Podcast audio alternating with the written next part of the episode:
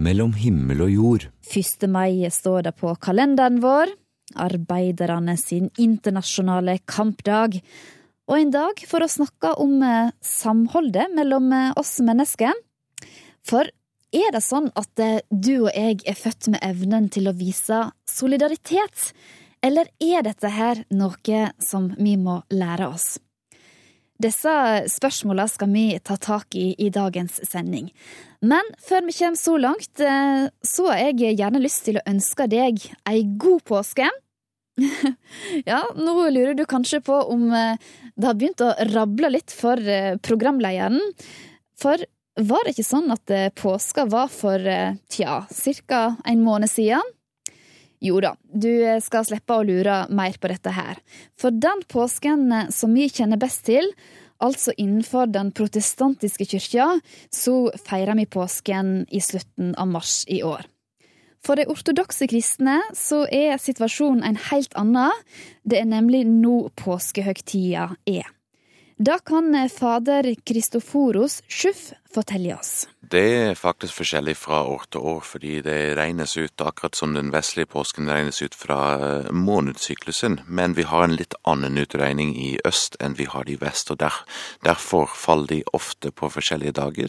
Og omtrent, eh, jeg tror det er hvert fjerde eller femte år, så faller de på samme dag. Og hvordan en kommer fram til datoen for påska, det er så komplisert at det, da trenger vi ikke å snakke noe særlig om mer.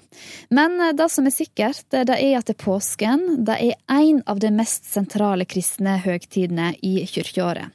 Det gjelder både for den romersk-katolske, den ortodokse og de protestantiske kirkene. Vi har en litt annen liturgisk tradisjon uh, i den ortodokse kirke. Eh, på mange måter kan du si at det henger både i forhold til hvordan vi feirer i kirka, men også i forhold til eh, eh, hvordan man feirer ferien, rett og slett. Fordi påskeuken som, som har vært nå, er ikke ferie. Ferien kommer egentlig etter påskesøndag. De kristne de feirer påske til minne om Jesus som døde og sto opp igjen. I den protestantiske påskefeiringa som vi kjenner best til i Norge, så hører vi om den stille veka, skjærtorsdag, langfredag osv. I den ortodokse retninga så er det andre begrep. Da i, i påskeukene, det som vi kaller for den store uka, så er det gudstjeneste morgen og kveld. Eh, alle dag, dagene i, i, den ortodokse påsken kalles for eh, store mandag, store tirsdag osv. Så, videre. mm. så går vi utover uka, så går vi Vi nærmer oss da lidelsen, for påskeuken er lidelsens uke også. Eh, vi bruker ordet paskra eh, i, i den ortodokse kirke. Eh, og den uka, så det er påskeuka, og det, da bruker vi veldig mye symbolikk igjen. Du har selvsagt noen av de samme tingene som du har i den, uh, i, i, den protestantiske kirke. Man minnes da det, uh, det nattverden, innstiftelsen av nattverden. Man minnes Kristi død. Det bare gjør, gjøres på, en, på mange måter en, en, en på en måte som er litt mer synliggjort. Eh, vi tar for eksempel ned Kristus av korset. Eh, vi, vi vi har ofte et, eh, et, stort kors som vanligvis står bak alteret resten av året, men, men på, fra og med eh, torsdag som, så settes den fram, og på en måte Kristus både korsfestes og tas ned eh, fra, fra korset. Faktisk selve kroppen som er i, i, i tre ofte, så, så tar vi rett og slett lakenet rundt den som om vi hadde gravlagt den. Vi går i store prosesjoner. Uh, vi har ofte veldig lange gudstjenester, rett og slett. Men så legger vi den sjølve kroppen fra, fra, det korset på alteret.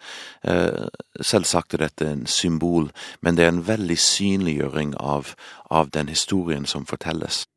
Den kristne ortodokse kyrkja er en av de store kirkesamfunnene, og tilhengerne de bor over hele verden. Retningen står spesielt sterkt i land som Hellas, Russland og andre østeuropeiske stater. I Norge så fikk en kjennskap til denne retninga gjennom vikingene sine reiser østover. I dag så er det rundt 20 000 ortodokse kristne i Norge, og tallet da stiger av innvandring. Den ortodokse påskefeiringa i Norge den er naturlig nok mer dempa enn i eksempel Hellas. Men her hjemme så står òg gudstjenestene sterkt i høgtida.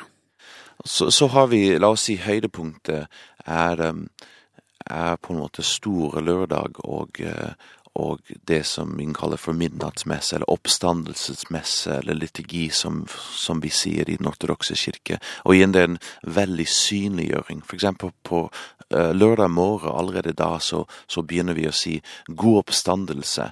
Um, uh, vi sier ikke god påske, vi sier god påske om uken. Mm. Og så kommer vi til, til store lørdagen, så begynner vi å si god oppstandelse.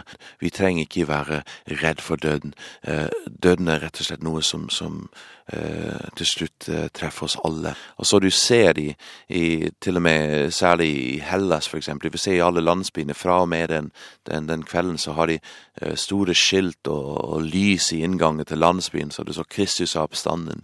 At det, det, det, preger på en måte hele samfunnet. Mm. Og man har gått over fra på en måte den um, forberedelsen til påsken som, som for mange innebærer en, en faste, at man faster, og så går man over til å, å ha det som heter den lyse uken, eh, som er uken etter påsken. Og det er da man har da ferie, f.eks. I, eh, i Hellas.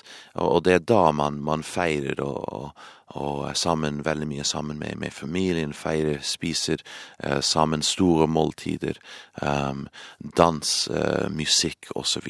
Mm. Og det, det, blir veldig synlig at nå har vi gått fra, fra den store uke, der er mye, man er veldig mye i kirke, uh, veldig mange lange symbolske gudstjenester um, som leder opp til, til denne feiringa av oppstandelsen, og så har du den lyse uken. Mm. Ja, Så skal du ha ferie neste uke? Uh, jeg uh, Egentlig ikke. Uh, jeg, vi bor i Norge, så det blir noe, noe helt annet. Og i dag så er det jo påskedag. Ja. Mm.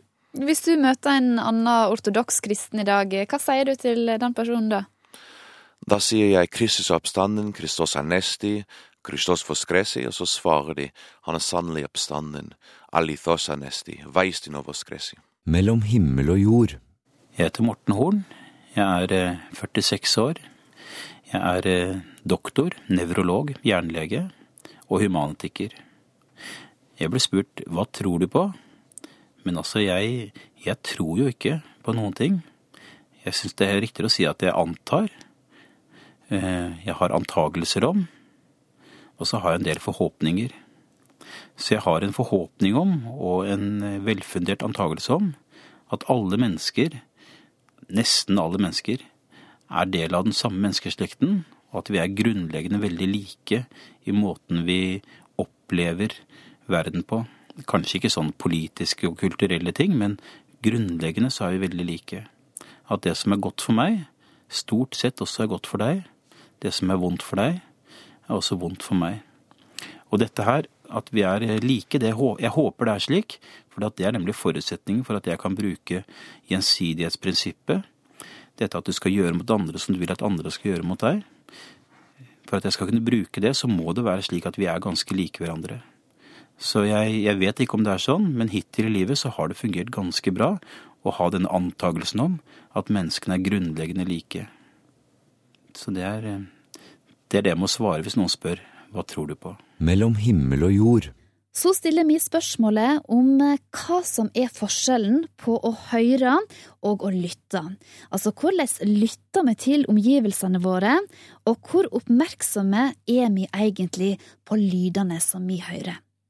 Nå så kan eh, du åpne ørene for eh, en som de siste fem årene har vært involvert i flere kunstneriske forskningsprosjekt om nettopp lytting.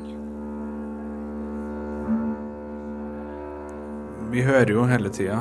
Til og med når vi ligger og sover, så, så, funker jo ørene våre. Um, så det er jo en av de sansene som er mest aktive, kan man si. Han står der med stort, svart skjegg og stor, brun kontrabass. Michael Durr. Musiker, forsker og lærer i musikk ved NTNU i Trondheim. Det er kontrabassen du hører. Eller du kan lytte til den. For å høre og å lytte er ikke det samme.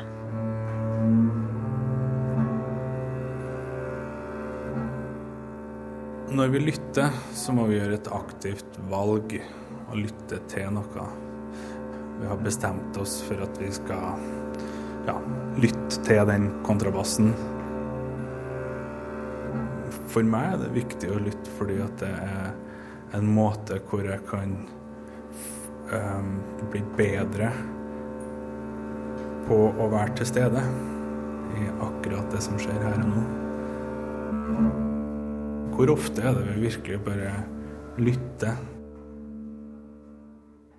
Nå lever vi jo i ei tid hvor vi er konstant overstimulert. ikke sant? Hvor vi har um, mobiltelefoner og nettbrett med, e-post e-post og nettaviser. Og, og, vi har gjort oss såpass avhengige av dem her at vi, vi bruker det jo hele tida.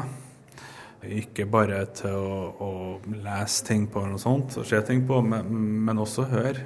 ikke sant? Så det store paradokset noen ganger er jo hvis man går rundt med, med mobiltelefon og, og hodetelefoner og, og, hører på såkalte naturlyder eller fossefall og sånt, mens du egentlig ville ha fått en mye mer bedre og mer naturlig opplevelse hadde du bare tatt ut de her hodetelefonene og kanskje hørt på trafikkstøyen eller noe sånt istedenfor. For hvis du gjør en sånn Hvis du gjør en, eh, en frekvensanalyse og ser på lyden av et fossefall og lyden av en motorvei f.eks., så vil du jo oppdage at de to tingene er ikke nødvendigvis så forskjellige.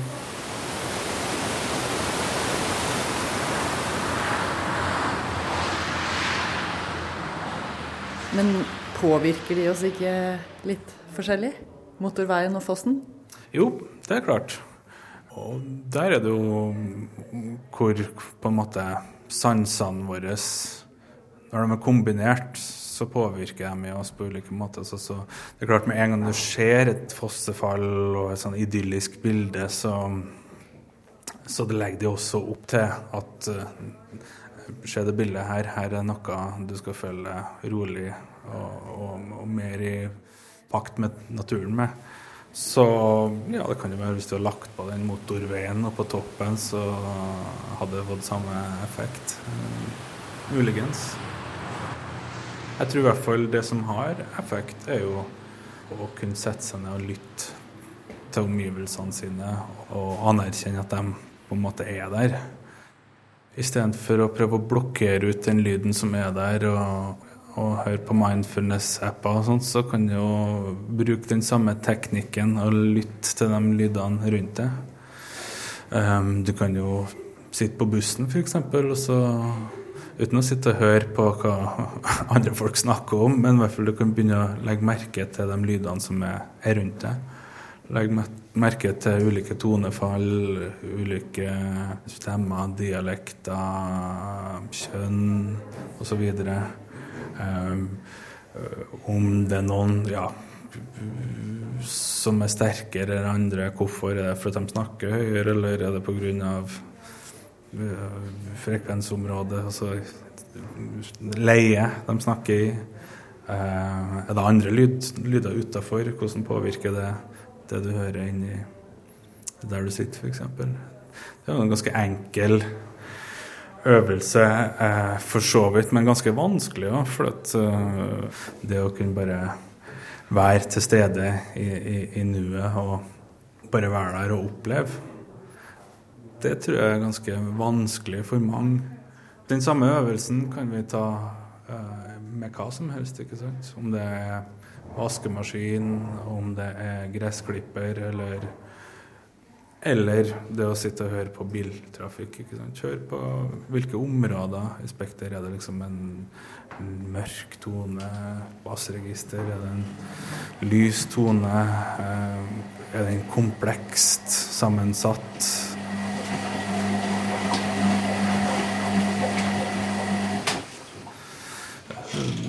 Det handler jo ikke om å da bli flink til å kunne si hva en lyd består av. Men det handler om å kunne ja, styrke oppmerksomheten. For i det øyeblikket du sitter og lytter intenst til denne vaskemaskinen, eller hva det er, så har du via tida di til å være til stede her og nå, og oppmerksom på det som skjer akkurat her og nå.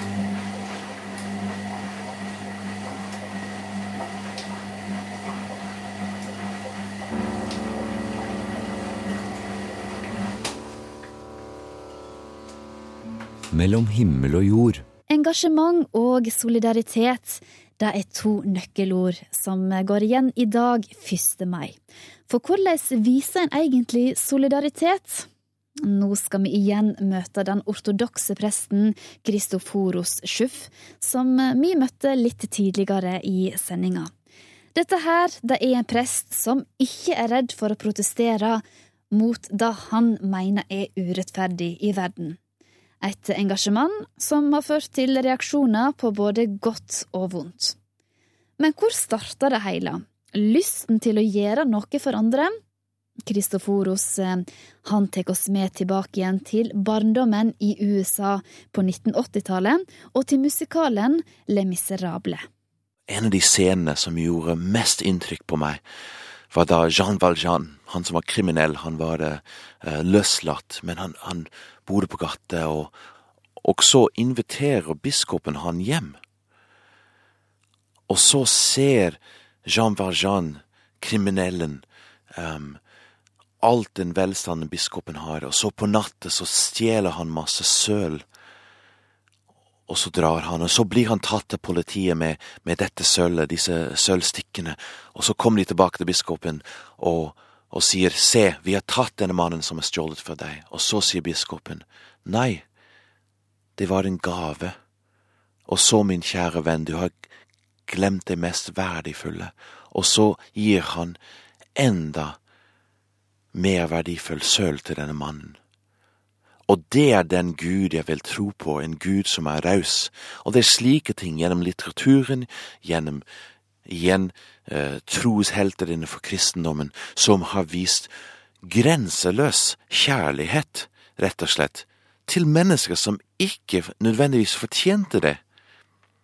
Det er den Gud og den tro jeg vil, jeg vil ha. Det er vel den den Gud og den kjærligheten som jeg vil tro på. Og det er det som er gnisten eh, for meg. Det er min motivasjon.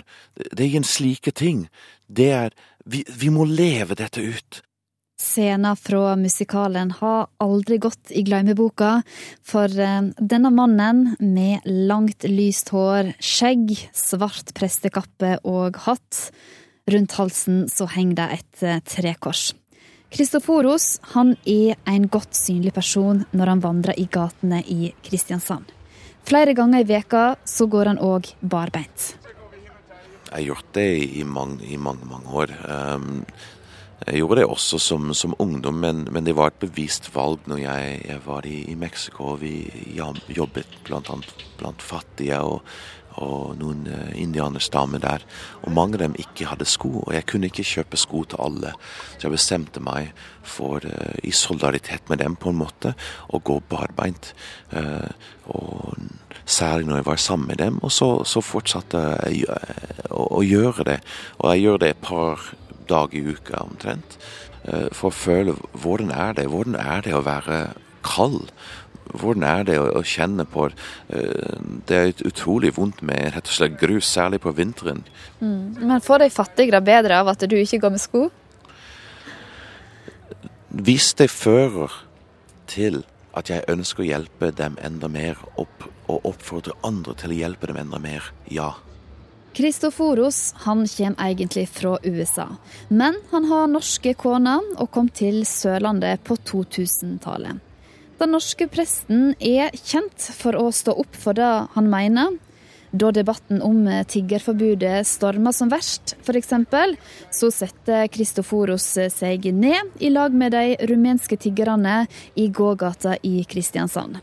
I hånda så holdt han et skilt der det sto 'Min venn'. I fjor høst og i vinter så reiste han òg til Lesvos i Hellas for å hjelpe flyktningene som kom i land der. Jeg tror at alle som har tatt imot en båt på disse strendene, um, forstår hva det betyr når du ser en båt full av familier, familier med håp om en framtid, som tar med sine barn, og når de kommer i land og gråter og omfavner deg i takknemlighet for det de gjør, det gjør noe med en. Man vil være der for de menneskene, og jeg tenker, hva hvis jeg hadde måttet rømme fra et land, fra et sted, og jeg var i den båten? Jeg hadde også vært så takknemlig for de mennesker som tok oss imot med kjærlighet og viste oss godhet og vennlighet og ønsket oss velkommen. Koster av og til òg å skulle, skulle vise rettferdighet? Men av og til når jeg også taler veldig klart um, om urettferdigheten, eller bare respekt for, de, for innvandrere, for flyktninger, for de fremmede, for den andre, så er det mennesker som ikke liker eh, de holdningene jeg har.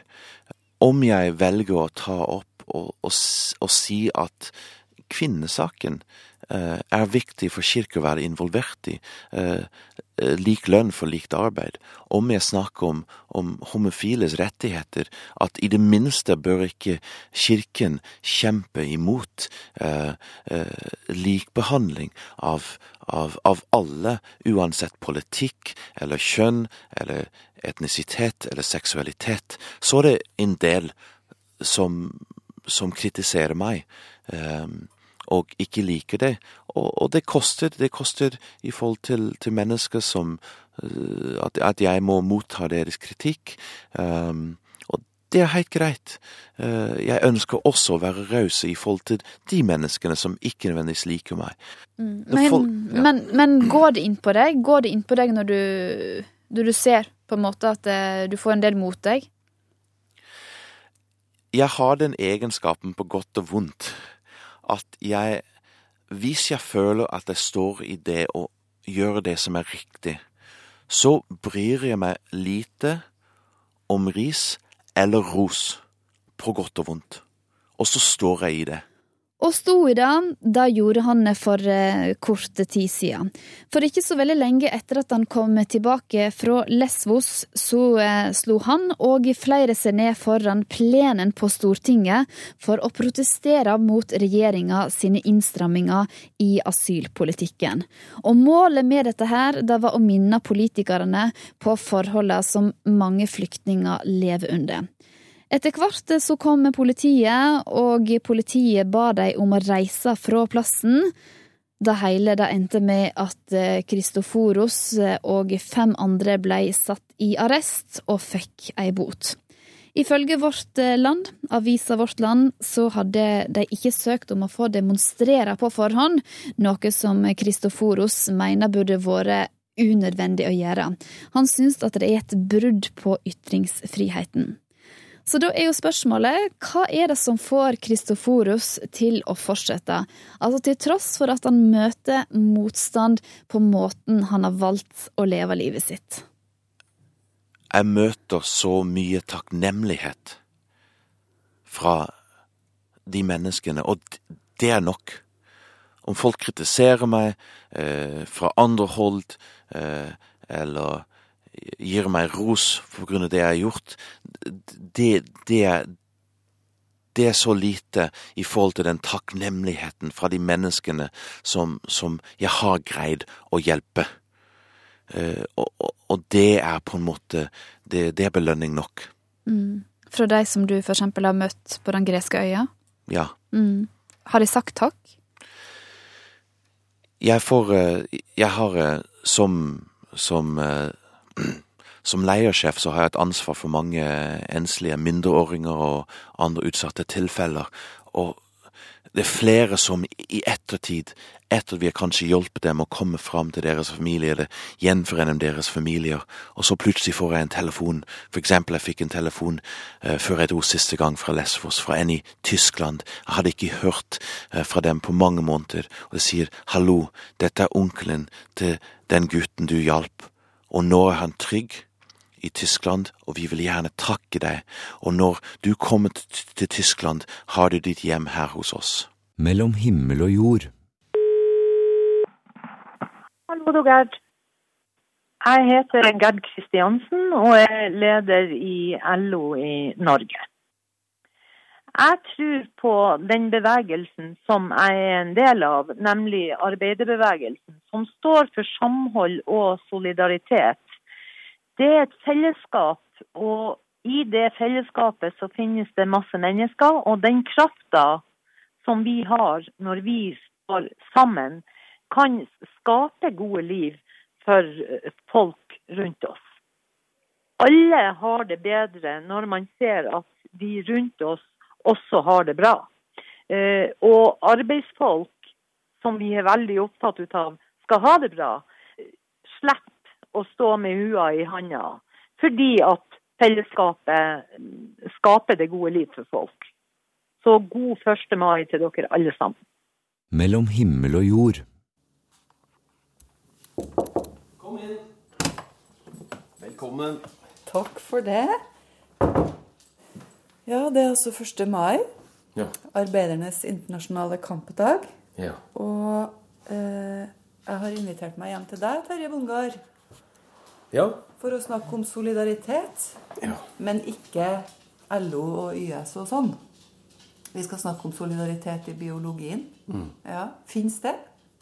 Vi er født med solidaritet i betydningen at vi kjenner inni oss når vi skal være sammen med noen. Når vi kjenner følelsen av eh, hvem skal jeg støtte, hvem skal jeg være for, hvem skal jeg være mot. Så det, dette er en del av oss som eh, Vi må passe på å ikke skille mellom biologi og oss. Det henger helt sammen. Når er forholdene ideelle for at vi skal kjenne denne eh, fellesskapsfølelsen? Det her behovet for å ta vare på hverandre, skal vi si det? Ja, Det som er så merkelig med oss mennesker, er jo at vi, vi er ikke tilpassa det store samfunnet vi har i dag. Det er for mye for oss, det er for mange mennesker rundt oss. Vi har levd i millioner av år i Afrika i små grupper, 20-30-40 mennesker. Og vi har et uh, forhold Vi må se folk i øya. Vi må se på dem. Uh, hvem er du? Er du venn? Er du fiende? Er du en partnermulighet? Kan vi lage allianser? Konkurrerer vi om uh, status og posisjon? Og i det spillet der så var det faktisk om å gjøre å være litt raus. Å være litt eh, snill og være litt eh, Se på meg, se hvor mye jeg har. Ja, for du må liksom bli oppfatta som en som bidrar med noen ting. Ja, i hvert fall sånn uh, utad. Som ser sånn ut. Og det, og det fungerer veldig bra i, eh, i inngrupper. Men Inngruppe, hva er det inngruppa det er akkurat en sånn setting hvor du ser ansikter, du kjenner folk, du, du veit hvem som er venn, og hvem som er fiende, og hvem som er i familie med deg, hvem som er eh, potensielle i alle mulige slag.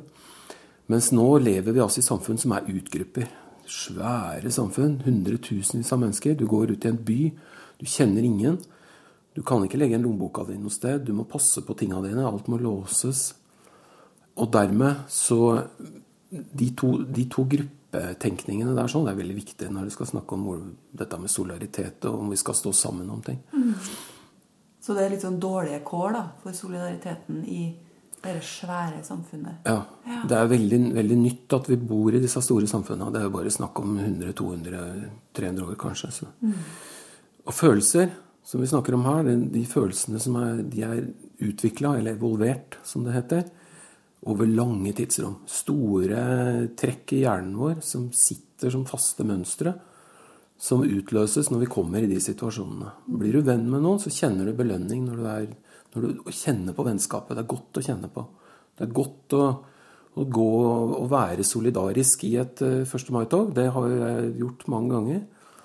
Og det, da kjenner du fellesskapsfølelsen, selv om ikke du kjenner så veldig mange akkurat rundt deg, så veit du at her har vi noe felles. Du kjenner det er liksom Vi, vi jobber mot det riktige. Dette er bra. Um, Det er en overlevelsesstrategi, da, eller en overlevelsesevne. ja, ja. Jeg vet, når, vi snakker om biologi, så kommer vi alltid inn på dette med overlevelse, men det er faktisk ikke det viktigste for oss. Det viktigste er å være attraktiv. Fordi at Én ting er å leve, det er klart du må leve, men eh, hvis ikke du får barn, hvis ingen vil ha deg som partner, så er det ikke noe vits i å bli 300 år. Nei. Så, og det å være solidarisk, raus, samarbeidende, vise at du får til de tinga, det er attraktivt.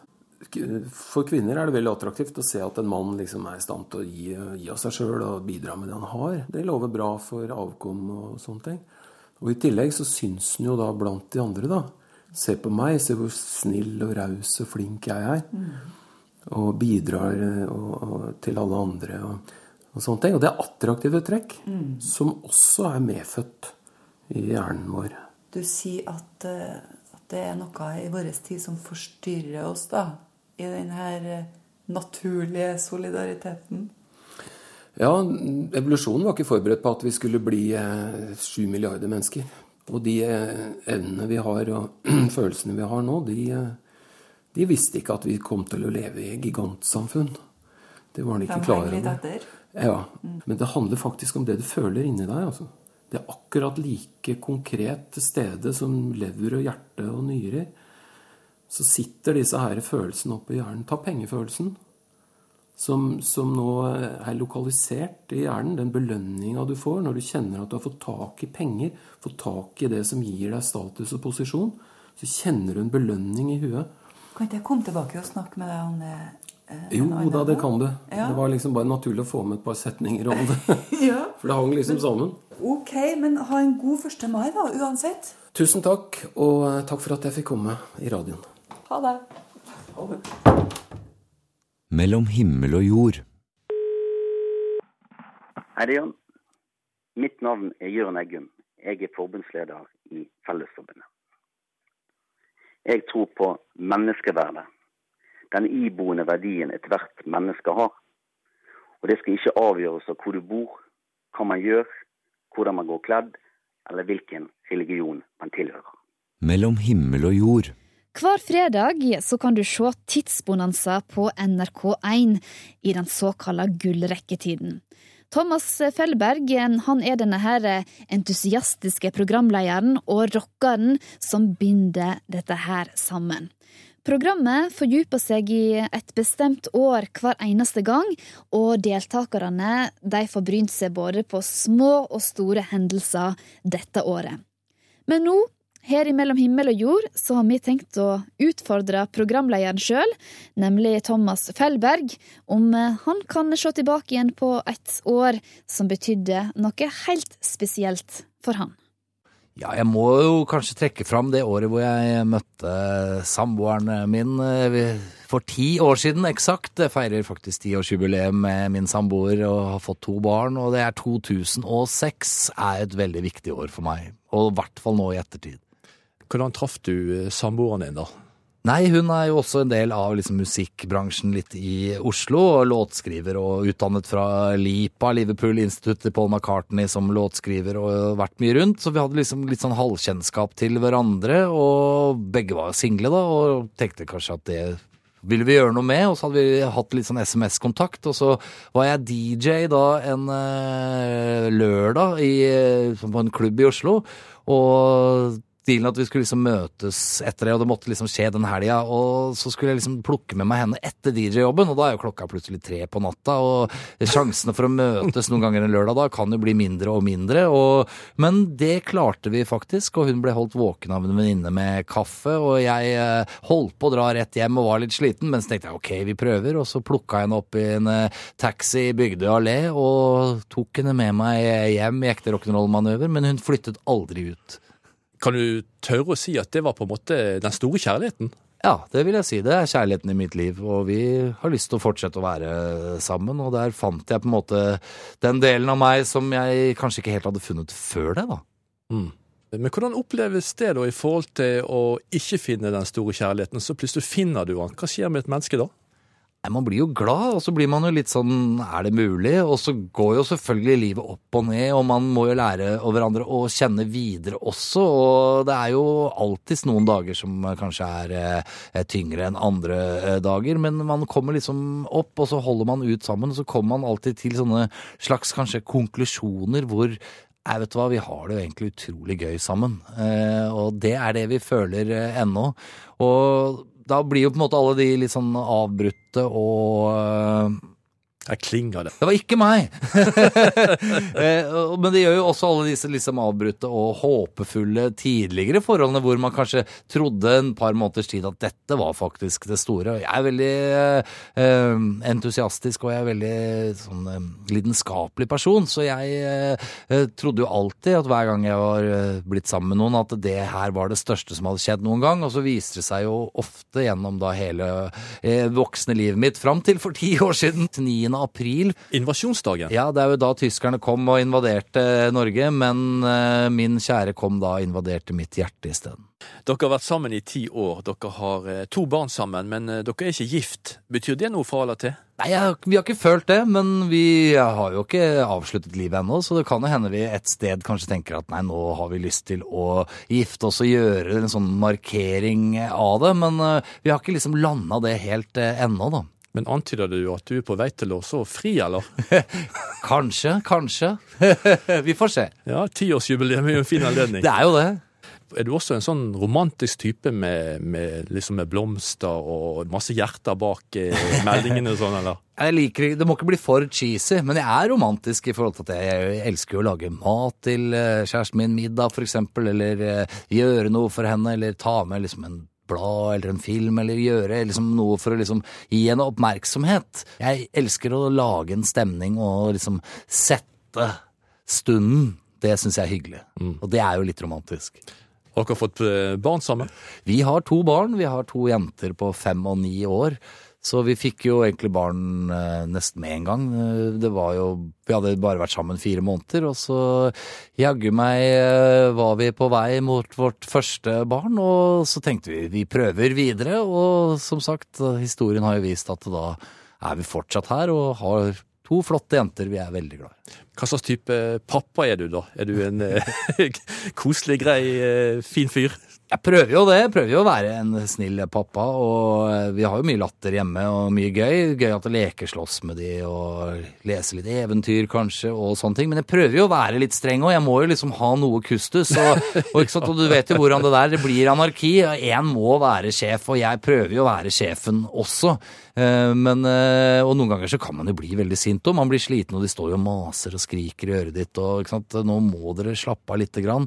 Men som min yngste datter eh, raskt poengterer, jeg prøver jo bare å ha det litt gøy. Er det ikke lov å ha det gøy nå, kanskje? Jeg prøver jo bare å ha gøy. Og da vet jeg jo ikke helt hva jeg skal si, for det, selvfølgelig er det lov å ha det gøy, men det var kanskje litt masete gøy nå, men ok. Jo da, det er jo lov å ha det gøy. Så du, du kjenner på presset? Ja, det er klart det, og hver dag er jo forskjellig, og barna utvikler seg, men det er jo litt av det som er gleden kanskje med å få barn nå, er jo at man får oppleve litt eh, av sin egen barndom litt på nytt, eh, fordi man blir minnet om ting man kanskje har glemt når man har blitt voksen, og så utvikler barna seg, så hvert år er jo forskjellig, og hvert år er et nytt stadie med nye utfordringer, og nå har vi liksom lukka babyboka, men så er det andre intellektuelle utfordringer, og det at de begynner å vokse seg til og sånn som kommer på, og jeg synes det er spennende. Det er spennende å se et liv vokse opp foran deg. Det er eh, en gave, egentlig. Vi har Thomas Tidsbonanza Fellberg på besøk. Tidligere rocker og vokalist i gruppen We. Nå fredagsunderholder i NRK1 med de høyeste seertall. Da snakker vi altså Tidsbonanza. Men du Thomas, du er gjest her i Mellom himmel og jord, og da slipper du ikke unna. For du sa at det å få barn, det er en, det er en gave. Hvor kommer den gaven fra? Ja, nei, Det tror jeg er veldig individuelt, hva folk eh, tror og hvor den gaven kommer fra. Men Eh, du da? Hva tenker du da? Nei, Jeg har et slags spirituelt ståsted i forhold til det, men jeg er ikke en uttalt religiøs mann i noen sånn direkte retning. Jeg ser liksom kanskje på religion litt som en sånn smågodtbutikk, hvor jeg går inn og så tar jeg et par Simon, så tar jeg en liten sjokolade der, og så syns jeg ja, den eh, sure bruscolaen ser god ut der, den tar jeg. Kanskje litt marsipan. Fordi det er jo alltid noe bra og dårlig med, med alt, og jeg tror at i dagens liksom, verden vi lever i, at det er farlig å på en måte se seg helt som blind på én vei, når det er så utrolig mange veier, og vi vet om de veiene. Før så var man ikke så bevisst på alle de andre veiene som var, så derfor så kanskje man ikke så at det var andre veier å gå. Men jeg føler jo i dag hvor vi sitter med så mye informasjon foran oss om kultur og historie religion og alt, at vi vet jo jo det er mange veier, og alle veiene leder til Rom, er det ikke det? Vatikanet. ja, kanskje det. Nei, men at alle, alle veiene på en måte må være greie, og så lenge man har et godt sinn og utgangspunktet er på en måte å gjøre noe, noe bra, eh, så er det vel egentlig ikke så stor rolle hva man kaller de forskjellige tingene. Fordi et sted så kommer vi til et sted som er godt, da. Og om det er ingenting, om man er ateist, eller det er himmelen, eller sant, det er en indianerreligion, eller om det er buddhistene, eller hva det er. Det tror jeg ikke er det viktigste. Og jeg tror hvis det er en eller annen gud som våker over, så tror jeg han er med og har en finger i spillet i alt dette her. Du nevnte så vidt ordet spirituell. Er du et spirituelt menneske? Ja, det føler jeg, og det tror jeg egentlig alle er. Og jeg tror man kan føle på det uten at man behøver å være religiøs. At man kan se på at livet er mystisk, og det er ikke alle ting vi skjønner. Mm. Og vi som mennesker er Vi råder over jorda, men vi har ikke kontroll over jorda. Og det er jo to forskjellige eh, ting. Og at eh, vi alle har en eller annen sånn mystisk gen på hvorfor vi på en måte utviklet oss til å bli de vi er, og hvorfor vi er tenkende, reflekterende mennesker. Hvorfor driver vi med kunst? Hvorfor har vi på en måte ironi eller humor? Hvorfor kan vi se forskjell på de forskjellige tingene? Eh, Og hvorfor er vi ikke bare opptatt av å overleve, at vi faktisk også fra steinalderen drev med kunst på vegger i huler og på en måte hadde en trang til å utfolde oss og forklare eller på en måte se ting som var større enn oss selv. Og det er jo kanskje også fordi det er noe større enn oss selv, men hva det er, det kan vi kanskje aldri helt forstå. Og hvorfor skal vi det? Kan vi ikke bare nyte det også? At det liksom Noen mysterier skal ikke bli forklart. Ja, for det var der vi begynte, med den store kjærligheten. Ja, og det er samme kanskje med hvorfor man møter den personen, og man velger å på en måte være, dele livet sitt med den personen, og hvorfor den og ikke den. Nei, det er jo også et slags mysterium og et slags sånn tilfeldighetenes spill. Eller er det det? Ikke sant? Ja, er det det? Det vet vi ikke. Nei. Jeg kan ikke svare. Jeg vil ikke ha noe svar. Enda et skritt tilbake til dette med kjærlighet og eh, året 2006, da du traff din kjære. Nå har det gått ti år. Er det mulig å, å, å bevare den samme feelingen av at, av at dette er den store kjærligheten? det går litt i faser, føler jeg. Og at man etter har vært gjennom kanskje noen tyngre stunder, og man blir jo også sliten når man har veldig små barn. For det er jo mye logistikk, og det er bleieskift, og man må på nettene og, og sånn. Og det kan jo tvære liksom på eh, ikke, bare, ikke nødvendigvis bare forholdet, men at man er ikke så, er ikke så tålmodig kanskje med hverandre, fordi man også er litt sånn sliten. Eh, men jeg tror rett og slett at man må bare finne det som er bra i hverandre, og ikke minst tørre å ha det gøy sammen. Og noen ganger på en måte få sendt barna vekk et par dager av og til, sånn til besteforeldre eller onkler eller tanter eller hvem det er som kan kanskje ta de, og så ta seg en sånn god, gammeldags voksenhelg hvor man på en måte bare gjør akkurat som man vil, for at man skal ha det litt sånn løssluppent igjen nå, i liksom alvoret som er det å oppdra barn, da. Det tror jeg er viktig. Hva, hva det dere gjør når dere skal ha det gøy, da? Nei, vi er jo glad i å ta et par glasser rødvin, kanskje. Høre på noe god musikk. Gå ut og spise en bedre middag. Og gå litt gatelangs sammen, kanskje. Og bare prate om alt og ingenting. Og så liksom plutselig er du i gang med en eller annen god samtale. Og plutselig er du i en park ved en benk. Og så er man litt sånn ungdomsforelsket igjen. Og så kan man liksom finne litt tilbake til den løssluppenheten hvis man trenger det. Mellom himmel og jord.